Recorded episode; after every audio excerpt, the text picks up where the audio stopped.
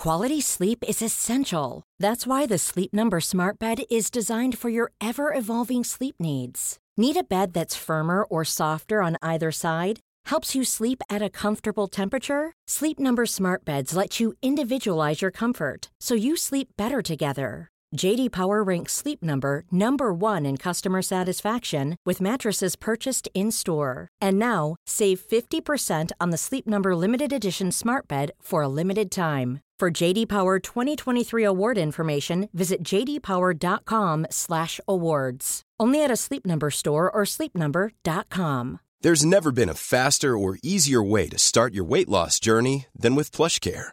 PlushCare accepts most insurance plans and gives you online access to board-certified physicians who can prescribe FDA-approved weight loss medications like Wigovi and Zepbound for those who qualify.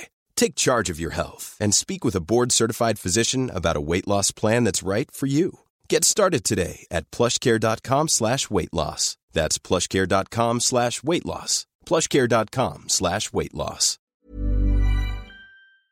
Hej och välkomna till Arkivsamtal. Jag heter Simon Gärdenfors och snart kommer ni få höra ett samtal mellan mig och författaren och serieskaparen Henrik Bromander.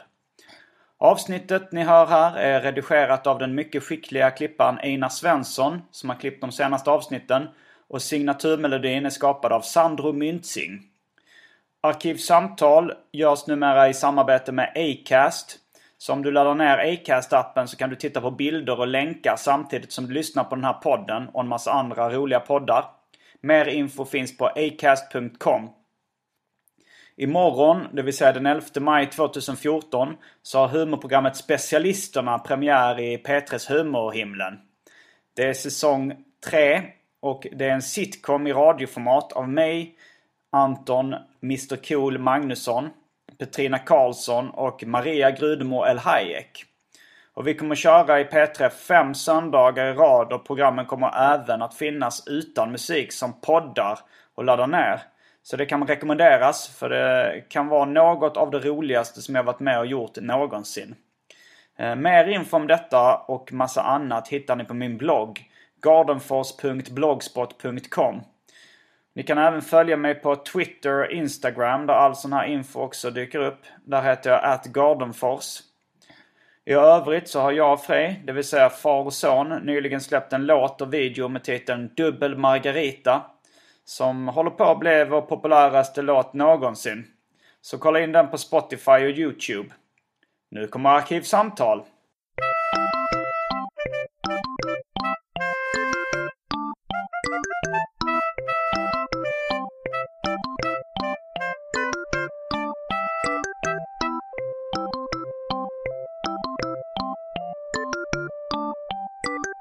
Säger hej och välkomna till Arkivsamtal. Jag heter Simon Gärdenfors. Vi har eh, serietecknaren och författaren Henrik Bromander med oss. Och jag tyckte att det var så kul att prata om våfflor nu när vi gjorde ljudtestet. Och Henke fick berätta om lite om en tidigare hotellfrukost han åt en våffla. Gör din egen våffla-konceptet. Så jag tycker vi fortsätter prata om det. David Liljemark dömde ut som ett tjofaderittan-koncept. Du säger uh, ja. Jag tycker det är kul när man får vara sin egen kock så lite liksom. Ja. Så att man blir aktiv i, i tillredandet av, av frukosten. När man är på hotell brukar man annars vara ganska passiv. Så all, alla gör saker åt en, de städar åt en och de passar upp i allmänhet. Men då, då får man bli lite delaktig i saker och ting. Ja, men det är väl också att den ska bli liksom helt nygräddad som är poängen. Ja, det är väl också poängen. Men jag tror att David har lite ett förakt mot njutning i allmänhet. Mm, han är lite spartansk så liksom. Ja, han tycker det är lite äckligt när folk så här, eh, När man gör något mest för att det ska vara härligt. Eller så här. Ja. Nu när jag sa ordet härligt kände jag ett visst äckel själv faktiskt. Ja, Hur ställer du dig till eh, kroppslig njutning? Jag är för den. Något av en hedonist nästan. Nej, men eh, jag tycker man, eh, man ska inom rimliga proportioner njuta så mycket som möjligt. Mm. Jag tänker någonstans att när man, när man går över en viss åldersgräns, när man kanske blir 50 eller något sånt, så kan man verkligen så släppa loss totalt och bara svina och äta och dricka obegränsat och inte bry sig om vikt och någonting sånt. Nej, det, det hade jag också tänkt. Jag har för mig vi diskuterat det innan. Mm. Eh, Men grejen är att just nu så vill jag uppskatta den kroppsliga njutningen av sex också. Mm. Om, och det är inte så lätt kanske man ser för jävlig ut. Nej, det är väl det enda som håller en från att, att börja- äta och dricka ohämmat egentligen. Ja, det är väl lite så. Uh, apropå att äta och dricka. Så har det blivit dags för det omåttligt populära inslaget Välj drycken.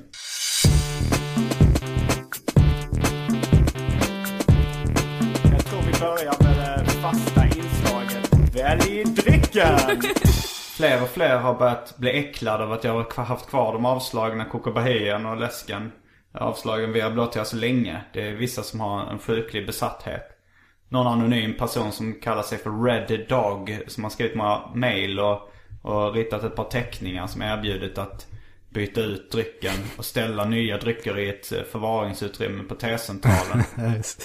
Eh, men jag har inte, jag har inte haft, riktigt haft tid att ta mig till T-centralen för en sån, eh, för, för väl drycken. Kanske senare i sommar kommer jag ha tid med det. Nu det är så mycket deadlines. Men det som finns är de två avslagna läskarna, Kokobia, eh, via blåtira. Gira Masala Soda, en eh, kumminläsk som eh, en tjej som heter Lovisa skickade på posten som hon har köpt i Indien.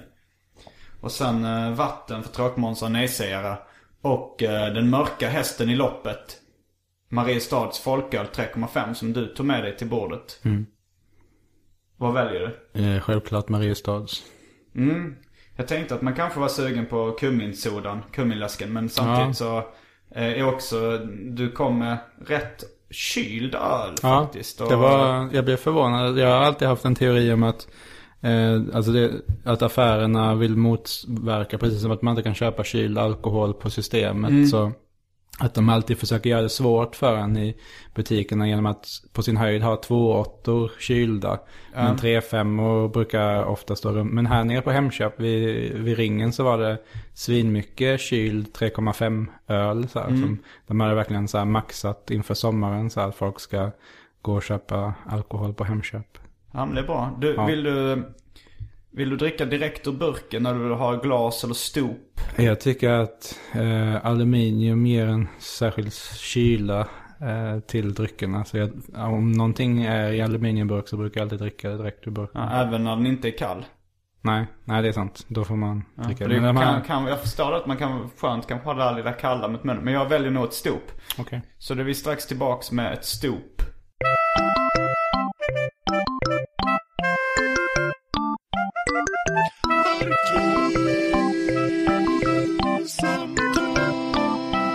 Dryckerna står redan på bordet.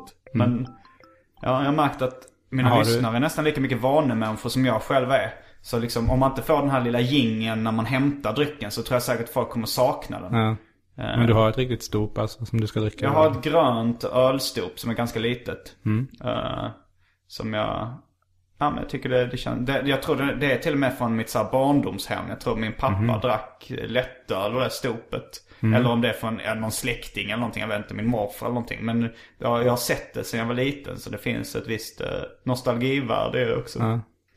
Jag skulle, vanligtvis skulle jag kalla det här för balansöl. Eh, Men idag, igår drack jag faktiskt inte. Jag har lite, eh, den senaste veckan, kommit ur min begynnande alkoholism. Jag har eh, lyckats mota den i grinden så att säga. Mm. Um, en eh, kort presentation av eh, Henrik Bomander för lyssnarna som inte känner till dig sedan tidigare. Eh, och det är jag som ska presentera mig själv eller? Ja, jag undviker helst det arbetet. Nej, jag kan, jag kan göra det ifall du inte vill. Nej, jag kan väl presentera mig. Det är, jag är serietecknare och författare. Ehm, bosatt i Göteborg fast flyttar till Malmö om mindre än en månad. Mm. Ehm, ja, jag eh, kom ut med en, min senaste bok kom i, för några månader sedan. Den heter Rivala Tempel och handlar om bodybuilding. Mm. Vi har lite följt varandra sen... När var det vi lärde känna varandra egentligen? Det var där runt Jag, tror, jag var nog millennieskiftet. 20, du var 16 kanske. Ja, det var lite innan millennieskiftet, typ 98 kanske så. Ja. Eh, Vi började skicka fanzines till varandra och började skriva brev till varandra. Ja, och sen eh, började vi träffas i verkligheten också. Ja, lite som en kärleksrelation som Ja. utvecklas. Det var ju till och med, jag var uppe så pass ofta i Stockholm och hälsade på den här lite äldre mannen att min mamma började bli orolig för att jag skulle vara homosexuell.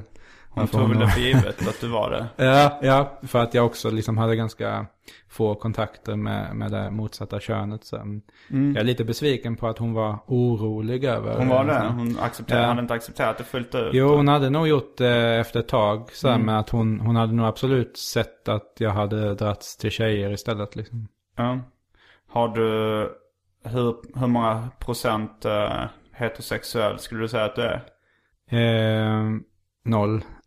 Nej, jag vet inte. Ja, Det- Men för jag kände ändå under den här perioden att det inte fanns någon erotisk spänning mellan Nej, oss. nej, det gjorde ja. det inte. Men samtidigt det här med att så här, definiera sig som heterosexuell har jag Mm. gått ifrån ganska mycket. Det, det är ganska... Varför det? Jag vet inte. det, jag ser, jag ser eh, jag, alltså dels den här synen på att alla kanske är mer eller mindre homo eller bi liksom. Ja. Men eh, sen, alltså jag är rätt less på hela alltså hetero, det, det finns så mycket sunkigt sammankopplat med det liksom. Så. Alltså, jag, jag säger, det är inte det första jag presenterar mig som eh, liksom heterosexuell. Nej. Men när, jag- när jag känner efter eh, vad, jag, vad min sexuella läggning så är den ju väldigt heterosexuell. Eh, även om jag gärna hade va- velat vara bög eller i alla fall bisexuell. För att det skulle, det är originellare och tuffare liksom. Ja. Eh, men eh, men man, man kan ju, jag, jag- om jag är ärlig när jag säger, jag vet inte om det är samhället eller genetiskt eller vad det är som har påverkat mig till att bli väldigt hetero. Men jag har, jag har ju gjort lite försök så här liksom att man, att jag har runkat och tänkt på saker som liksom vanligtvis hetsar upp mig. Och sen så när jag är som mest upphetsad så försöker jag byta liksom att det ska komma in en, en kille i mina fantasier så här.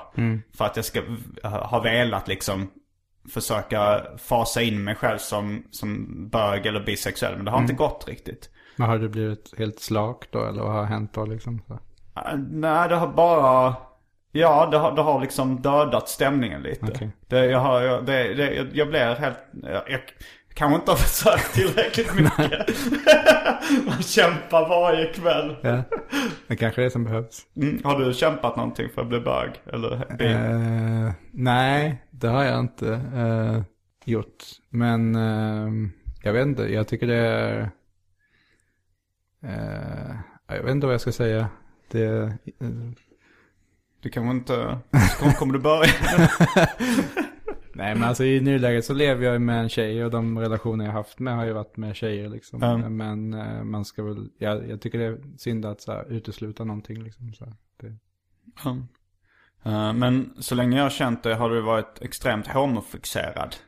Ja, på lite förr kanske, på lite mer ont än på gott kanske. Eller jag vet inte, det har varit lite så här, ja, vissa grejer man har, vissa serier man har gjort och så här kanske man inte jättestolt över idag. Så att de är ganska pubertala. Men jag tror att det fanns, någon, det har alltid funnits någon slags eh, dragning mot, eller jag tycker det är väldigt på något sätt fascinerande att berätta om, om personer som är eh, homosexuella.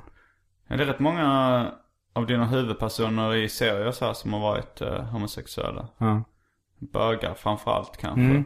Ja, jag, nog, jag vet inte om jag har gjort någon historia om någon lesbisk. Det kanske blir lite mer svettigt när en man ska beskriva sig lesbisk sex Ja, som, lite som så en också. heterosexuell man. Ja, Men, eh, men eh, vad tror du din homofixering kommer ifrån? alltså en, en förklaring kanske skulle vara att jag, jag liksom överhuvudtaget är intresserad av att berätta om lite outsiders och folk som inte är liksom de vanliga så här. Och att i bögvärlden så har jag väl hittat liksom så här en intressant person eller en typ av person att berätta om de som liksom är lite utanför och inte tillhör det vanliga. Eh, och att jag har också liksom alltid gillat att läsa så här, gay-litteratur och bögförfattare som Dennis Cooper och Sean Genet och Christopher eh, Isherwood och så. Att, eh, det, jag vet inte, det är nå någonting som fascinerar mig med, med den världen. Så här, och att jag också själv vill berätta om den världen. Så. Mm. Hur ställer du dig till att berätta om... Jag, när jag berättar liksom så ligger det alltid ganska nära min egen personlighet. Mm. Och jag tycker nog... Man kan ju i och för sig göra research, men jag är ganska stor fan av så här gräva där, där, gräv där du står inställningen. Mm. Hur ställer du dig till det? Alltså för mig så är det väl inte så jättestor, alltså okej okay, om man tar de här gamla historierna jag berättade som var liksom mer så här klyschiga med så här, jag vet inte, någon svart man som våldtar en person i hamnen och så att det är väldigt så. Har du gjort någon sån serie? Ja det var den Martin tror jag den hette, som gick i röv nummer ett. Som han... ett, ett fanzine som Henke gav ut som heter Röv nummer ett. Jag vet inte ja. om jag har läst Röv faktiskt. Jo, det, det har det, har det? det var A4-storlek så det kom bara ut med ett nummer. Jag minns även när uh, jag fyllde år. Jag vet inte om det var jag fyllde 25 eller någonting. Mm. Då fick jag en, uh, en ett, ett seriefanzine som du hade gjort i 1X. Mm. Som hette Mannen som dödade pappa Y-front. Ja. Som då var en seriefigur jag gjorde. Som jag tror du tyckte var lite väl kommersiell. Ja. Uh, och så gjorde du en serie där jag... Uh, där jag tror att pappa Y... Det blev det är något fiktivt scenario där pappa Y-front uh, kommer med i uh, Sen kväll med Luke. som ett animerat inslag. Och blir omåttligt populär. Ja. Och så är det en man som kallar sig Herr jag. Som bestämmer sig för att döda pappa Y-front. Eller så här, han, de, på något sätt så hotar de mig. Ja. Uh, eller så här, det, det, jag blir gängvåldtagen av ett gäng män. Även, det, katten Nisse är väl med och våldtar dig? Jo, det, jag blev våldtagen av katten Nisse. Och uh, han, Nisse uttalar repliken. Uh, erkänn att det är det här du alltid har velat. Fast då är det också en svart man som egentligen har klätt ut sig till katten Nisse. Okej. Det- På ett sätt så känns det ju lite som att du, jag vet inte, att du går igång på det, de här scenarierna. Alltså kanske inte sexuellt, men någon slags kanske, att du gillar provokation. Ja, Att du gillar- fall, förr var det ju så äh, väldigt Mm. mycket. Och det, det, det kan jag väl inte förneka att det fanns en tjusning i det. Men det känns Mm. lite som en, en, att jag har gått vidare in i någon slags ny fas. Där jag, fa- fast det samtidigt är så att man aldrig kan, jag kan liksom inte riktigt låta bli att lägga in de här olika som i, den, i min nya bok så är det ju en, en sekvens där, där han, huvudpersonen kommer in väldigt mycket på e-stimming. Som är så här, eh, elektrisk stimulans av sitt kön. alltså, så, onaniteknik som Ja. är ganska utbredd i USA verkar det som bland Mm. ensamma män. Att man har så här ett kit med elektroder och ett batteri och så här, så kopplar man fast sin penis på det. Så att det, då, men då kan jag så här, jag, jag känner att jag måste skriva, ha med det i, i texten. Men sen så blir jag ändå lite så här f- frustrerad eller att det blir lite genant när vissa recensenter ägnar halva recensionen åt att skriva om det här e-stimming-partiet som jag, som Ja. jag tycker är så här en liten detalj i hela berättelsen. Så. Jo, det är ju ofta så. Alltså jag själv har förlikat mig ganska mycket med att jag gillar provokation. Och jag tycker att det är både för humorns skull och eh, för att det är en rolig kittlande känsla. Och jag tycker snarare att det är andras problem att de inte gillar det. Mm. Alltså på samma sätt som att eh, många, det är ingen som kritiserar en skräckfilm för att det, den, den eh, är skräckinjagande bara för skräckinjagande. Det är så här skräck för skräckens skull. Nej. Ingen som kritiserar. Ingen som kritiserar en, en komedi för det är bara humor för humorns skull. Eh, eller en snyftare som är liksom sorglig för att det ska vara sorglig skull. Men så fort det kommer till provokation, som jag, är det en känsla jag gillar liksom. Det, är en kittlande effektsökeriet. Då säger folk, det där är bara provokation för provokationens skull. Och så helt plötsligt så är det underförstått att det är dåligt. Men det är inte dåligt med en komedi som är rolig för humorns skull. Nej. Eh, och det är, blir jag extremt provocerad av den inställningen. Och att det finns en liksom, öv- överenskommelse i samhället att det skulle vara dåligt. Och att, eh, men då, det är väl bara att ignorera det då så får väl folk uh, såga det ifall de tycker det är dåligt. Alltså, Ja.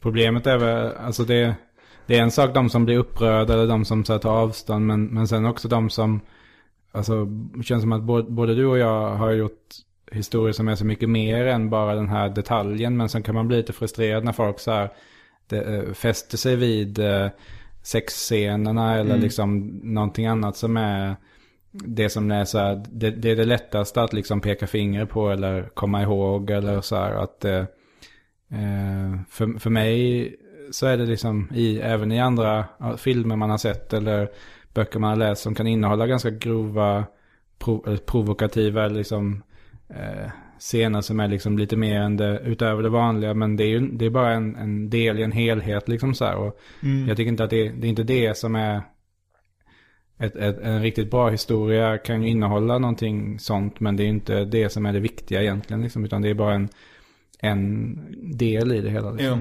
Nej men jag menar på samma sätt som eh, man kan lägga in humor i en berättelse så, eh, så kan man lägga in provokation eller, eller skräck eller, eller snyfta partier liksom. Det är olika effekter.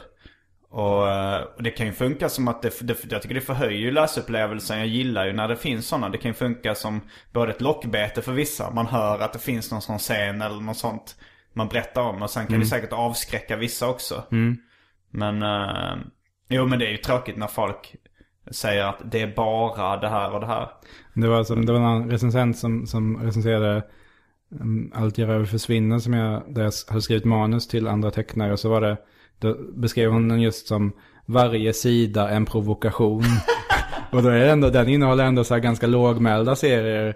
eh, Som bland annat en, en som bara handlar om en kvinnas, eh, en dag i hennes liv. Där hon bara går runt på stan och eh, känner sig ensam och går på Kina-restaurang och spiller ner sig när hon ska äta och sen går hon hem. Och den är liksom, det finns ingenting provokativt i den serien överhuvudtaget. Men den, det var ändå så här varje sida en provokation. Ja. Så. För, just för att då fanns det en annan serie bland annat som, om en man som har sex med en myslok och, och så. Det var väl det som hon hade liksom flippat över. Men, men då, ja. Men känner du att du vill dra dig bort från eh, de värsta provokationerna för att, för att inte väcka anstöt? Eller är det för att du själv inte gillar det lika mycket längre?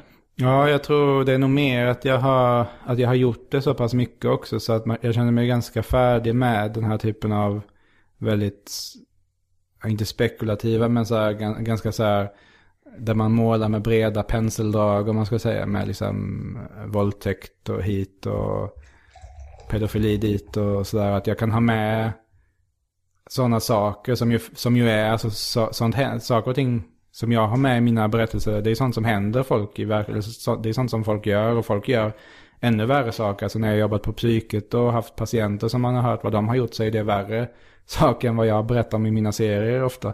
Och, eh, Så att jag, jag tycker det, det är fortfarande viktigt att, att, att i- ha med väldigt, ibland i vissa, i, i vissas ögon grova saker som kan ha med sex att göra till exempel. För det är så som verkligheten kan vara ibland liksom. Ja. Men det är inte, jag, jag har nog liksom skurit ner på det lite för att jag har blivit lite trött på, på det ibland. Kan, Och kanske lite trött på att ha den stämpeln på mig också som en så här, ja men det är han som gör serier om eh, flänsost liksom. Ja, nej men jag kan eh, relatera lite. Uh, jag hade ju liksom ganska lång period där jag gjorde serier och låtar om knark. Med extremt mycket knarkreferenser. Och sen tröttnade jag på att göra, det var nog framförallt att jag tröttnade på att, eh, att det var, blev liksom ett go-to-ämne. Eh, så jag gjo- gjorde ändå liksom eh, en, ett par, en Las Palmas EP och en soloskiva utan drogreferenser och gjort ganska lite så här, men, men man blir ju trött på sig själv också.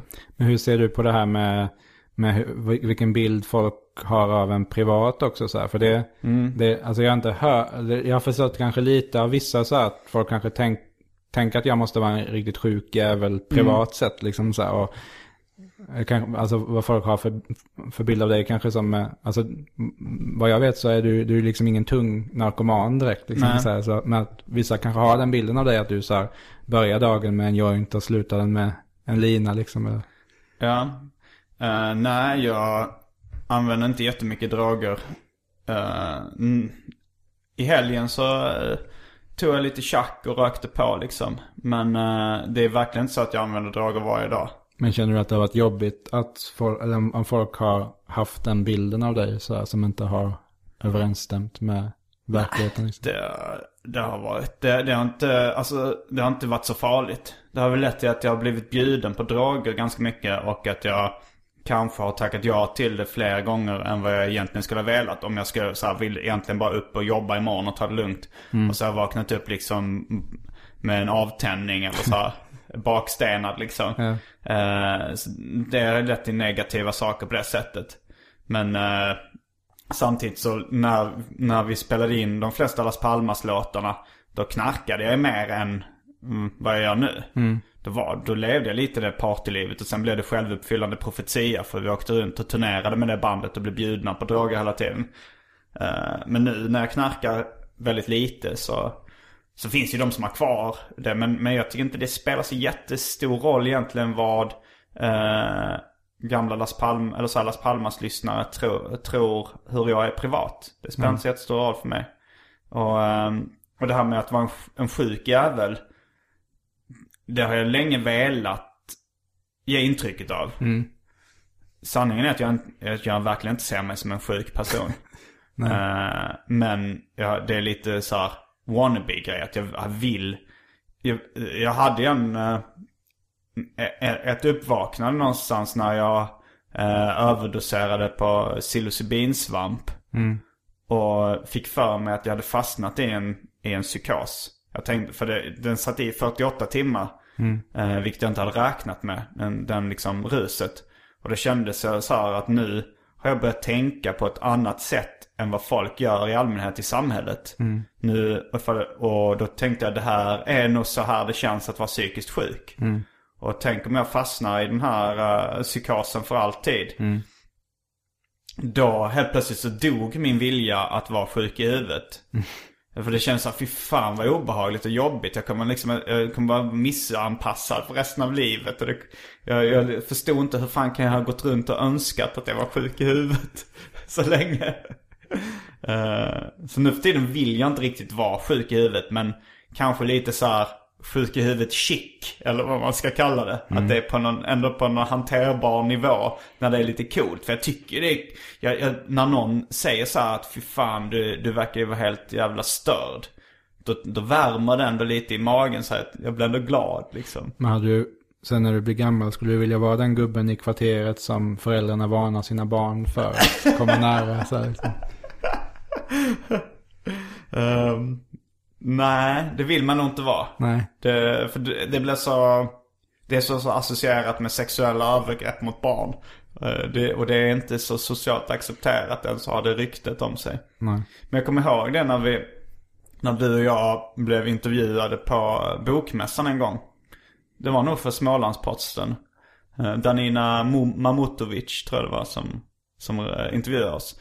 Och då så sa hon det också att ehm, jag tror hon riktar sig frä- främst till dig eh, då när hon ställde frågan om att eh, För det var, det var väldigt mycket sexuella övergrepp eh, Speciellt kanske mot barn i dina serier. Och så sa hon där att man eh, Att det är ju lätt att det missuppfattas då att du själv har blivit utsatt för övergrepp.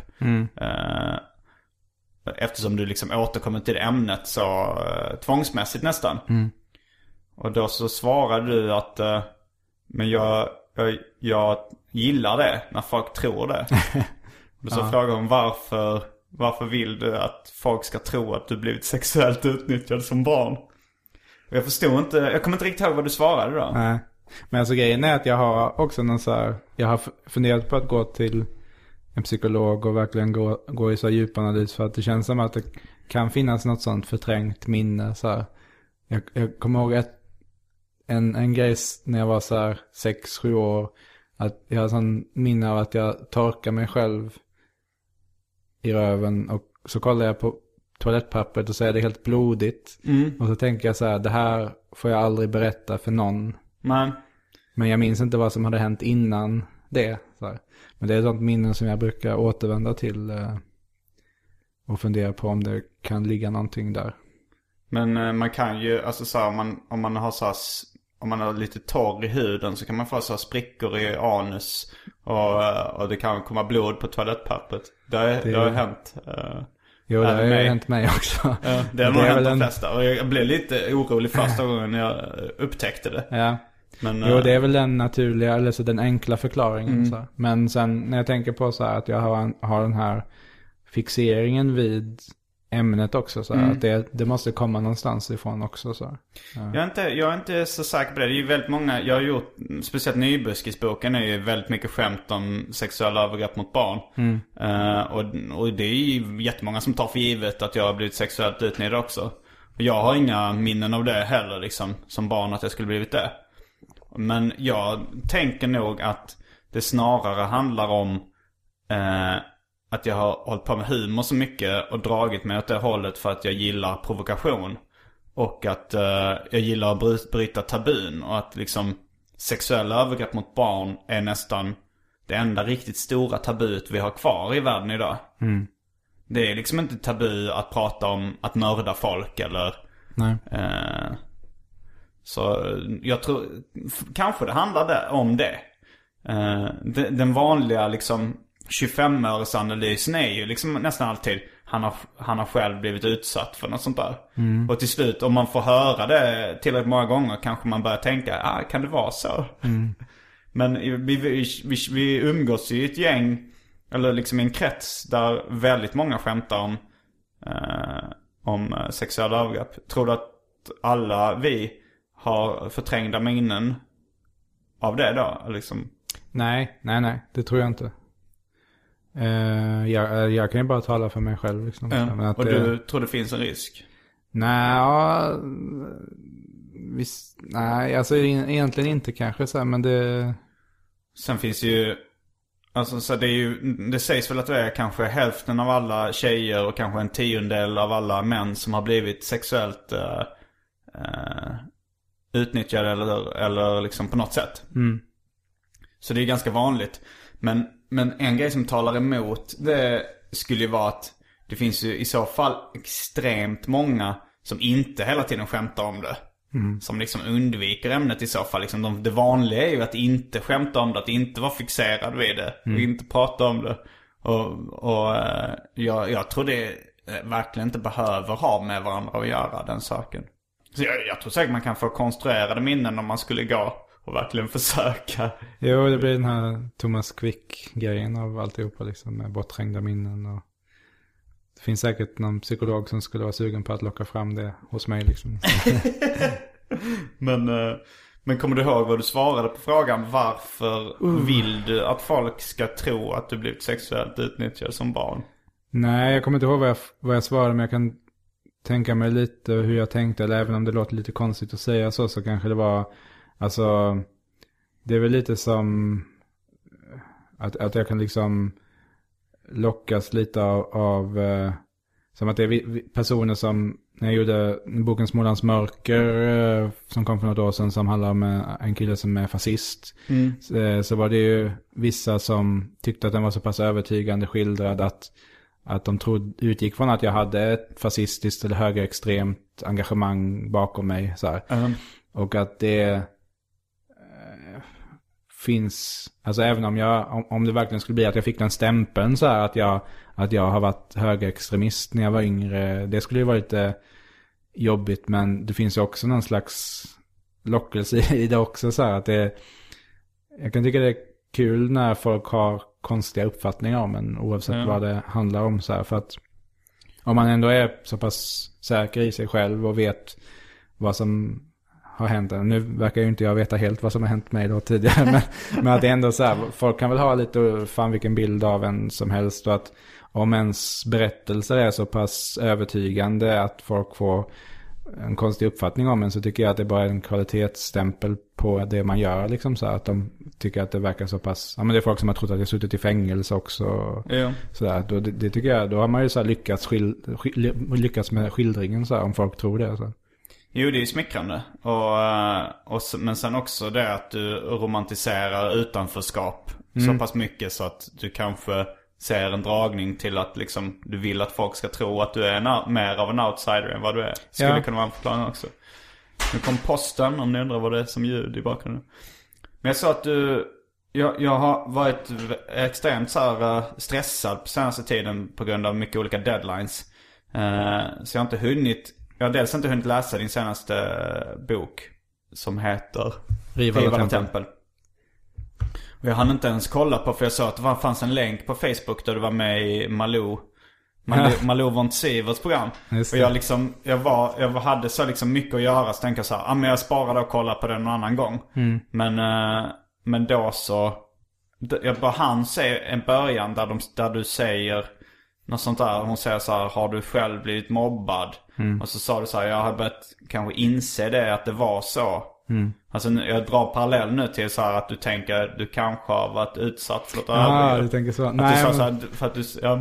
Men det är mer, det är faktiskt någonting som är mer konkret så att Mm. jag faktiskt det är inget så här att jag har hit- hittat bortträngda minnen och sånt där. Utan det, det är saker som faktiskt hände som, som jag på den tiden kanske inte ville riktigt beskriva som mobbing. Men som jag i efterhand när jag liksom lagt bort all stolthet och, Mm. och sådär har insett att, att man, en, en utomstående skulle absolut ha beskrivit det som det. Ja. Och jag vet att det var liksom, det är flera som har beskrivit mig som att jag var mobbad liksom. När de har pratat om mig med tredje person typ. Så, så det är ju, det var väl så det var liksom. Mm. Jo, det har också varit ett, eh, ett återkommande tema i, i dina böcker. Ja. Men har du skrivit, när var det, när var det du liksom började eh, säga det för första gången och tänka så okej det var kanske så jag var mobbad när jag var liten. Det var nog i den här, jag skrev en självbiografisk text till min näst senaste bok, Korrespondensteorin, som var, jag har inte skrivit jättemycket självbiografiskt innan och just den texten var ganska jobbig att skriva för att det var en hel del saker som, som jag berättade där offentligt som jag aldrig har berättat innan så här. Eh, Så det, men det var också jävligt skönt att få ner det på papper och så. För jag tänkte på i din eh, första novellsamling, Det händer här. Där finns det en sekvens där, jag tror det är de eh, ungdomarna som är på semester. Och så är det en scen där, där eh, jag tror det är killen eh, på något sätt erkänner att han har blivit mobbad som ung. Och det, du beskriver den känslan så här att det kändes som en så här lättnad när han väl sa det. Ja, jag, jag var mobbad. Och på något sätt så känns det lite konstigt om du har skrivit det liksom beskrivit den känslan som du några år senare eh, liksom återkommer till fast i verkligheten att någon av dina karaktärer gör det först. Te- kände, kände du inte så när du skrev det då att det här är ju som jag, det Jag här tror- bygger på mina egna? Jo, men alltså jag tror att jag, jag gör nog ganska mycket så med, alltså att jag använder fiktionen som en slags, att jag sänder ut som små testdockor först så här, eh, att, att, att jag berättar saker i fiktiv form innan jag är beredd att berätta om det i självbiografi, eller liksom att erkänna att det här har, det här är någonting som jag har gjort eller något som, så som jag är liksom. Så det var inte medvetet, du tänkte inte så när du skrev så här, det här, är, det här handlar om mig egentligen? Nej, men den, se, den novellen du syftar på har en del beröringspunkter med eh, verkligheten kan man väl säga. Så ja, det är väl en korrekt iakttagelse. Och jag tänkte det också när du sa som testdockor. Chris Ware, serietecknaren, han har också gjort... Han har också beskrivit det så när han gjorde sitt eh, mest kända verk, eh, Jimmy Corrigan. Som handlar om en, eh, en pojke som inte har... han har vuxit upp utan sin pappa och sen träffar han honom i vuxen ålder. Och att han... att han gjorde det liksom. Han skrev... Det, det var så att Chris Ware inte hade träffat sin pappa. Och sen så liksom... Sen gjorde han en serie om liksom när någon karaktär som är liknande honom träffar sin pappa för första gången. Och sen under arbetet med den serien så träffade han sin pappa för första gången också. Att det var lite som en testdocka. Hur kommer det här kännas? Och, Ja, jag tror det är en liten sån lyx som vi som håller på med berättande och så. eh, att man kan eh, göra sådana grejer eh, och också så här, testa hur det tas emot av en publik också. Så här, liksom, att det, ja. mm, det, är- det är rätt häftigt faktiskt. Ja, jag, jag gör det, fast jag kanske gör det mer i efterhand. Alltså så här, istället för, test, eh, för att kasta ut en testdocka så gör jag det med som en eh, katolsk bikt.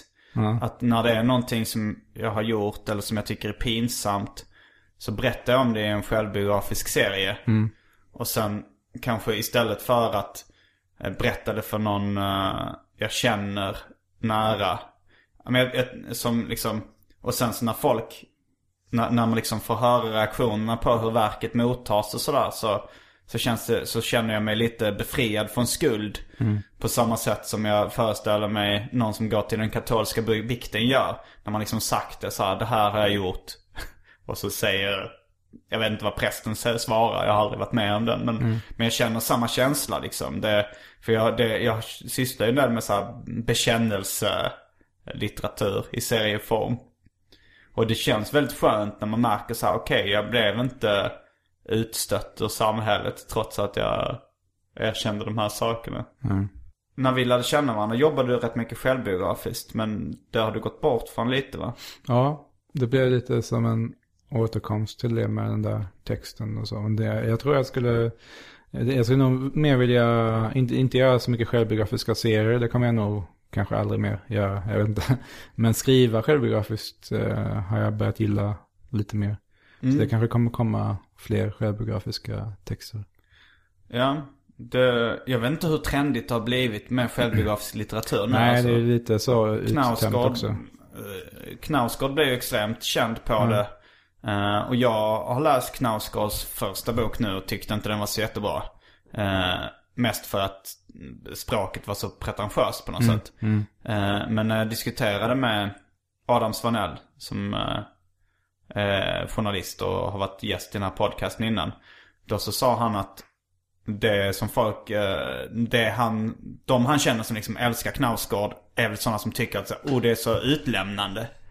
Eh, så självutlämnande. Och det kan jag hålla med om. Men samtidigt när man vuxit upp med självbiografiska serier så fick man ju den liksom chocken av hur folk var utlämnande. Alltså det fick jag kanske först när jag läste Mats Jonsson och Joe Matt eh, i tonåren. Så att då var jag redan van vid, okej det här men, men jag kan tänka mig att när folk upptäcker det för första gången så blir de kanske väldigt imponerade. Jo, jo, men det känns som att den, det, den grejen har liksom haft en fördröjning på så här nästan 20 år. Att det var något som hände i serievärlden på 90-talet liksom. Och nu har det kommit så här i, inom litteraturen som med den här självbekännelse-grejen liksom. Så, Mm. så det, är, det är ganska uttjatat faktiskt. Ja, jag kanske inte ska skriva självbiografiskt faktiskt. Jo men det tycker du, alltså samtidigt så är det min favoritgenre. Och jag hade nog älskat det ifall det var eh, någon annan än Knausgård. Eller jag har ju läst nu Eh, Mark Maron som har podcasten WTF. Eh, han skrev en självbiografisk bok eh, som heter Attempting Normal. Lite mer av en novellsamling kanske. En Självbiografisk novellsamling. För det, det är lite mer lösa anekdoter än liksom en lång rad tråd. Men den uppskattar jag väldigt mycket. Eftersom han har ganska slapp, alltså slappt språk. Och eh, sen utspelar det sig så stand-up comedy-världen. Och han beskrev också mycket om eh, hotellvåfflan. Gör det själv hotellvåfflan. Att det var det enda som kunde få honom på gott humör efter den här ensamheten han kände när han vaknade upp. Efter ett gig. Jag vet inte, det, det, nästan den form av litteratur jag gillar mest är väl den där man inte riktigt kan veta heller vad som är självbiografiskt och vad som är fiktivt. Så, när det glider ihop. Så. här. Men så är det ju lite alltid egentligen. Alltså även när någonting är uttalat självbiografiskt så är det ju inte 100% eftersom man kan inte komma ihåg vad någon sa för två år sedan ord för ord. Nej. Man försöker, de flesta försöker väl vara rätt ärliga. Eller jag antar att de flesta har den ambitionen. Men att man kanske skarvar även lite för att det ska bli mer underhållande. Alltså så här, man kanske komprimerar en händelse som bara kanske fem händelser till en scen eller något sånt där. Jo, alltså all eh, liksom, självbiografi är ju också i viss mån fiktiv. Liksom, så att man, man stöper ju den i samma form som fiktionen egentligen. Liksom, så. Vad jobbar du med för projekt nu? För, Ju- Just nu så håller jag på med en ungdomsroman om orientering. Är det sant? Ja. Folk Vad, brukar bli det, få den, du, du ryckte till lite. Jag såg en viss avsmak i ditt ansikte. Det är lite den reaktionen folk brukar få när jag säger så. Ja, det var, det var nog snarare uh, ungdomsroman än orientering Ja, okej. som fick mig att rygga tillbaks. För att, uh, alltså så här, jag, ifall du hade gjort en, en roman en, för vuxna om orientering så, ja visst, det, det spelar väl ingen roll vilken miljö det utspelar sig i. Jag skulle ändå känna igen tematiken och, och sådär. Men... uh, Vad är det med ungdomsroman som bär dig emot? Jag har lite problem. Det är väl lite det här gräv där du står grejen. Ja. Att så här, om man är vuxen så, så tror jag att man gör bäst eh, för andra vuxna. Men du tycker att ungdomsroman ska skrivas av ungdomar då? Lite så tycker jag. Barnserier ska ritas av barn. ja, ja, jag ser vissa luckor i mitt resonemang där. Uh, I och för sig, nej, det handlar nog ganska mycket själv om vad jag själv vill göra. För jag vill, jag vill inte göra barngrejer egentligen. Eh, och eh, jag vill inte göra ungdomsgrejer inte. Jag vill göra grejer för... Jag, jag har nog alltid gjort... Försökt göra grejer för min egen målgrupp. Eftersom jag är extremt mycket av den här gräv där du står grejen. Men samtidigt så hade jag, vill jag ju inte se tecknade filmer gjorda av barn när jag, lit, när jag var liten. Nej. Nej men alltså ungdom, det är lite så här, eh, alltså ungdomslitteratur kan ju egentligen läsa, alltså bra ungdomsromaner kan ju läsas av vuxna också så här. Eh, har jag lite insett när jag har börjat så här eh, forska i ämnet om man säger. Mm. Det fin- alltså, jag tycker att det är, det är liksom en, det är en intressant genre för att den också är lite så här bespottad och eh, att man ser ner på den lite så här. Eh, som att bilderboken har ändå fått lite förhöjd status med att det har blivit lite hippt att göra bilderböcker som typ Jockum Nordström och, och sådär. Att det är liksom fräcka illustratörer som gör bilderböcker. Men un- ungdomsromaner just det är fortfarande lite så här, vem fan läser det liksom? Så Inte ens sig- ungdomar läser ungdomsromaner nästan. Men Ja men Harry Potter var ju sån, ja. en sån roman som även många vuxna läste. Jag har inte gjort det, jag gillar inte fantasy överhuvudtaget. Nej, jag har inte men- heller läst det. Men det, eh, Per Svensson är en sån svensk författare som, som jag tycker skriver böcker som, alltså de är inte, jag vill inte säga att de är lika bra som, som så här riktiga romaner. Nej, men, Jag har för mig eh, det var min syrras favoritförfattare när Ja. hon var men jag, jag läste en, Svenne heter en, en bok av honom som, Mm. som, som är bra till exempel. eh, Så jag håller på att läsa lite så här, typ honom och vissa andra författare Vad fick också. det vilja göra en ungdomsroman? Alltså det var, jag, alltså själva idén eh, kom ju först att det, alltså jag läste i, jag brukar få ganska många idéer när jag läser tidningen. Så då läste jag idén i deras sportbilaga så var det så här eh, inför O-ringen som är så här den stora orienteringstävlingen i Sverige där eh, så här massvis av eh, familjer brukar resa dit. Eh, orientering håller man ju ofta på med i en hel familj så här. Det är ofta en sån idrott som båda- O-ring är ju något av en uh, taftologi.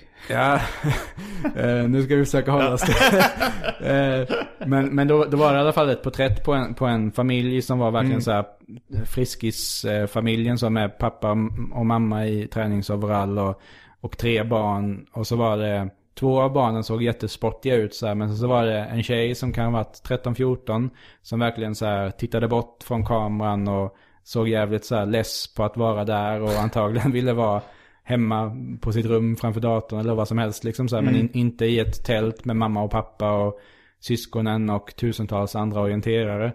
Eh, och det var lite det som jag kände att jag ville skildra den här eh, familje, nästan den här fascistiska grejen inom familjen där alla ska med och alla måste hänga med så här och, och att det blir lite extra starkt kanske i sådär familjer som är väldigt idrottsfokuserade och resultatorienterade och så här. Och vad som händer när en person i den familjen vill bryta sig loss och inte vara med längre. Och att det får väldigt drastiska konsekvenser. Eh, särskilt då när hon träffar en kille också eh, som bor på orten som är överviktig och spelnörd typ. Och hon, Datorspel. Ja, och hon vill hänga med honom istället för att tävla och det blir så här väldigt...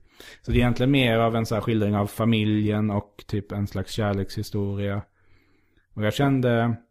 Jag hade väl först lite tankar på att bara skriva den som en vanlig novell och typ ha med den i en novellsamling eller så. Men det var Mm.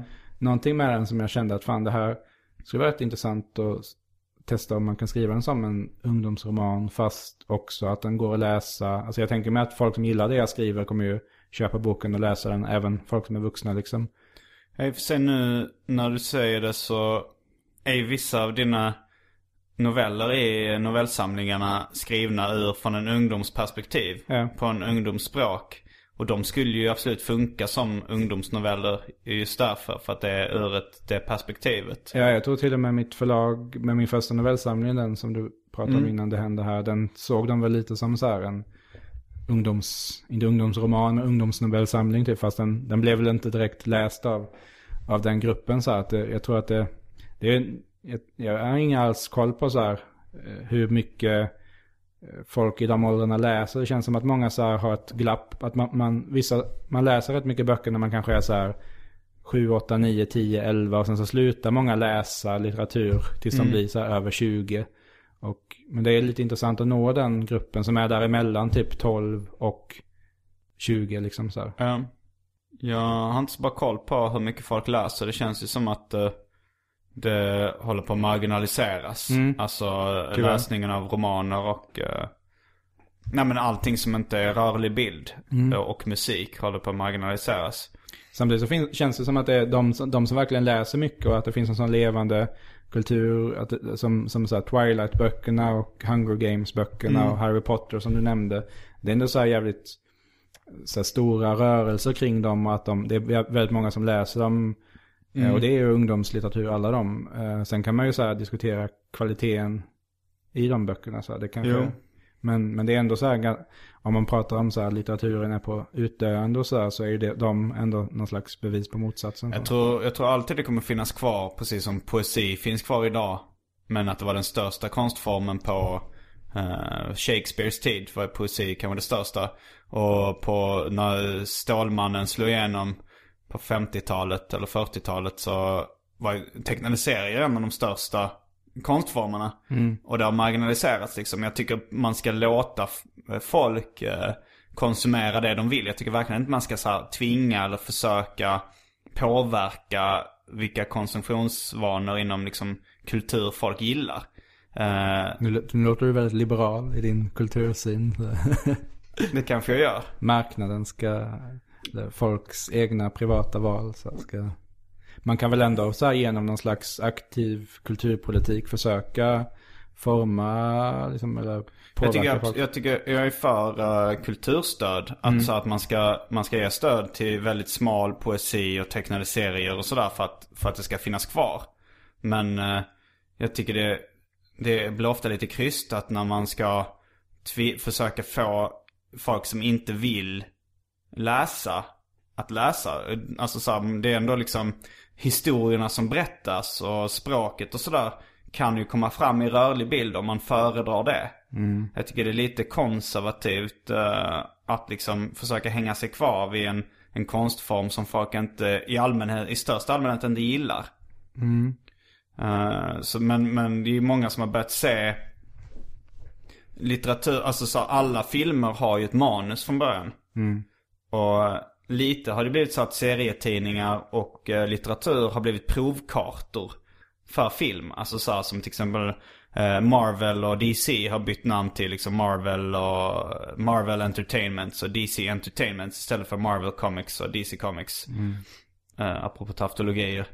Men, eh, och då gör de så att de gör en serietidning som kanske går, inte jättemycket med vinst, kanske till och med med lite med back. Men när de, blir, när de hittar någonting, ja det här blir populärt. Då gör de en film som är det, som är den stora, som folk gillar att konsumera idag i allmänhet. Och samma sak eh, kommer det säkert vara länge med litteratur. Att det kommer vara en smal genre som få konsumerar. Eh, och sen så när liksom det dyker upp något som är poppis så ser folk den stora vinsten i film. Men jag menar, så länge det, det finns kvar och jag kan konsumera det så, så tycker jag inte det är så viktigt att eh, det är så jättestort och så jättepopulärt. Nej, det finns alltså det är ingen, inget egenvärde i att det ska vara stort och populärt. Men eh, jag tror absolut att man kan så här påverka eh, hur många som läser och påverka, eh, alltså inte så här ge upp inför så här sviktande läsarsiffror. och Att eh, Eh, folk läser mycket mindre idag. Att man bara tar det som en så här, ja men snart är boken död och läsplatta hit och film dit och så där. Utan att man verkligen så här göra... Läsplatta är väl, det går väl ändå liksom att, att ha litteratur i läsplattor? Nej, jag tycker inte det blir riktig litteratur. Det ska vara på papper. men i alla fall att... att det blir mycket att jag anklagar dig för att vara konservativ. Du anklagar ja. mig för att vara liberal. Pajkastning. Nej men eh, jag, jag, jag, jag, tror på så här liksom aktiva åtgärder och att, att eh, ja, stimulera saker som att få fler att läsa för sina barn till exempel. Det är en sån sak som väldigt på nedåtgående att nu för tiden så läser ganska få föräldrar för, för sina barn ur böcker och så liksom. Mm. Det, alltså jag tror att läskunnigheten kommer alltid vara hög. Eller kanske till och med kommer öka för att, eh, för att samhället kretsar så mycket kring typ sms och Facebook och internetgrejer. Mm. Att till och med ungdomar hellre skickar sms än att prata med varandra. Mm. Och, och skriva meddelanden liksom. Så läskunnigheten kommer öka. Men sen att för, folk föredrar att konsumera eh, kultur och konsumera berättelser i rörlig bildform. Eh, och för, om de får en berättelse eller en historia eller ett skämt eller vad som helst liksom. Då förstår jag inte riktigt varför man ska eh, försöka påverka dem att konsumera det i ren textform istället för eh, i eh, rörlig bildform. Det är väl vad man har, alltså jag, jag, tycker att litteraturen har någonting som till exempel film inte har. Och mm. jag tycker även att tecknade serier har någonting som film inte har. Jo det tycker jag också. Är... Jag tycker att de som, som gillar det kan ju konsumera det på det sättet. Men jag tycker det är konstigt att man ska försöka påverka folk till, till att konsumera och gilla en konstform som man spontant inte gillar eller? Jo fast jag, jag ser nog det mer som att det är många som hade kunnat uppskatta det och, och gilla det om de hade fått chansen och om det hade funnits tillgängligt på ett annat sätt än vad det har funnits och vad det som det, det har blivit bättre. Men, men jag tror till exempel som du sa med kulturstöd men även andra former att liksom att, att skolor eh, får pengar till att köpa in litteratur och, och ta dit författare och så vidare att den att det är ganska magert eh, hela den, den, hur man introducerar litteratur i skolorna så här, till exempel. Och mm. även serier och så här liksom att, att, att en lärare tycker idag liksom att ja men nu ska vi så här avhandla eh, jag vet inte, Romeo och Julia eller vad fan som helst. Och då, då sätter man bara på så här Baz Luhrmanns filmatisering så här. Eh, för att det är lika bra så här, som någonting annat. Så här. Men är, är det verkligen är det lika bra att se filmen som att läsa boken? Eller att eh, läsa den dramatiska texten i det här fallet. Jag, jag, tror inte det, utan jag tror att det finns ett egenvärde i, i texten som sådan. Ja, texten är ju ofta längre. Jo, det, det finns, jag tycker varför, verkligen det finns en poäng med det. Uh, men ibland är det också så med skolan att man blir lite avtänd på det. Ifall jo. de hade introducerat serier för mig i skolan. då hade jag nog inte varit lika intresserad av det. Jag hade tyckt det var en sån äcklig grej som de försöker tvinga på mig. det hade inte varit här liksom. Samma sak ifall det varit så här, nu ska ni gå en kurs i punkmusik. Mm. Hur man gör det. Då hade folk inte velat så här, starta sina egna punkband och så. Nej, men däremot som det fanns mer förr då att må många punkband och många, alltså överhuvudtaget band. Att man kunde så här leva på bidrag eller liksom mm. gå på a-kassa och kunna spela i ett band och eh, så småningom kanske börja få in mer pengar via turnéer och skivförsäljning. Men att i, i, i kanske de första fem, tio åren så kunde man så här gå på bidrag och, och det var helt okej. Okay. Och det är så som egentligen det svenska musikundret var, byggdes upp av så här ganska generösa a-kasseregler och SOS-bidrag och så vidare. Eh, Mm. Och det, det är ju någonting som inte alls finns idag. Uh, ja, ja, det var länge sedan jag gick på bidrag. Jag har faktiskt ingen koll på det. Men du pratar med rätt person om du ska... Alltså självklart är jag för ett slappt bidragssystem. Jag tycker det hade varit intressant om du gjorde så här bidragskungen 2 eller så här, i det nya allians-Sverige. Så här, att det blivit... svårt det. Ja, det var, det var ju inte, det var inte världens lättaste grej att gå på bidrag på, på 90-talet heller. Nej. Eh, uh, eller tidigt 00-tal eller när det var. Jag gick, eller jag har ju gått på, nu får jag ju stipendier och sådär. Men jag tror att problemet är ju inte att sådana som jag. Problemet är ju, problemen fanns ju då också. Att eh, jag som är en ganska ambitiös person vet hur man gör för att fylla i papperna. Orkar göra det, ta tag i allting, gå på de här mötena. Medan liksom de som behöver bidragen bäst kan vara de som egentligen inte pallar. Eller kan av olika anledningar. Eh, och, men jag tror fortfarande idag att jag skulle kunna försörja mig på bidrag ifall jag bara hade velat.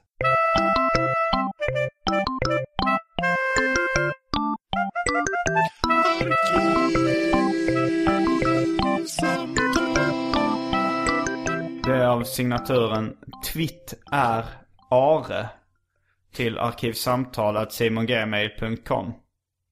Så står det så här. Jag har pratat mycket om att Uh, detta, detta är bakgrundsfakta, det är inte mejlet. Uh, det är för att jag har pratat väldigt mycket om uh, normaliserande av pedofili. Att när vi har gjort radioprogrammet Specialisterna.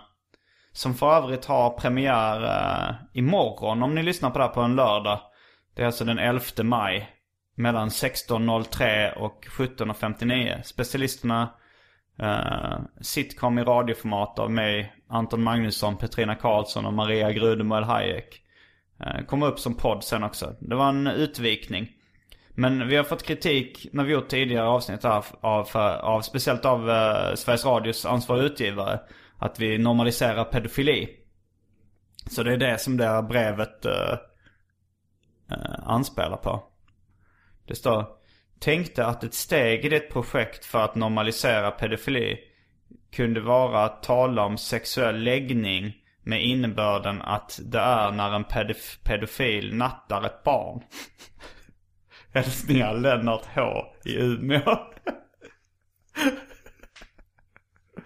ja, jag tyckte det var en bra ordvits på tema sexuell läggning.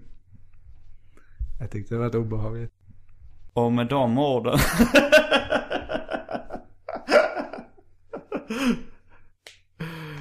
Och med de orden så avslutar vi veckans avsnitt av uh, Arkivsamtal. Är det någonting du vill tillägga eller känner du dig? Ja, jag råkar säga att uh, ungdomsboksförfattaren uh, som jag har läst en del av heter Per Svensson, men han heter Per Nilsson. Per Svensson är en liberal debattör som jag inte alls tycker om. Så det var viktigt för mig att få det rätt. Per Nilsson heter han alltså.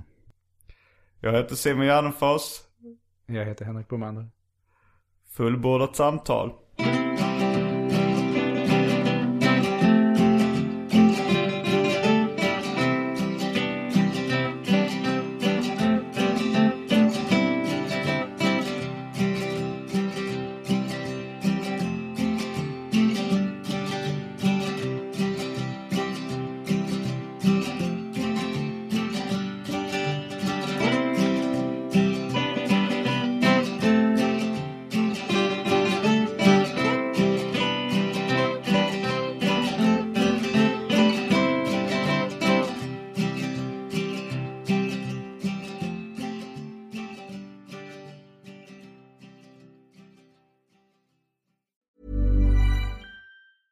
Planning for your next trip? Elevate your travel style with Quince. Quince has all the jet setting essentials you'll want for your next getaway, like European linen, premium luggage options, buttery soft Italian leather bags, and so much more. And is all priced at 50 to 80% less than similar brands. Plus, Quince only works with factories that use safe and ethical manufacturing practices. Pack your bags with high-quality essentials you'll be wearing for vacations to come with Quince. Go to quince.com slash pack for free shipping and 365-day returns.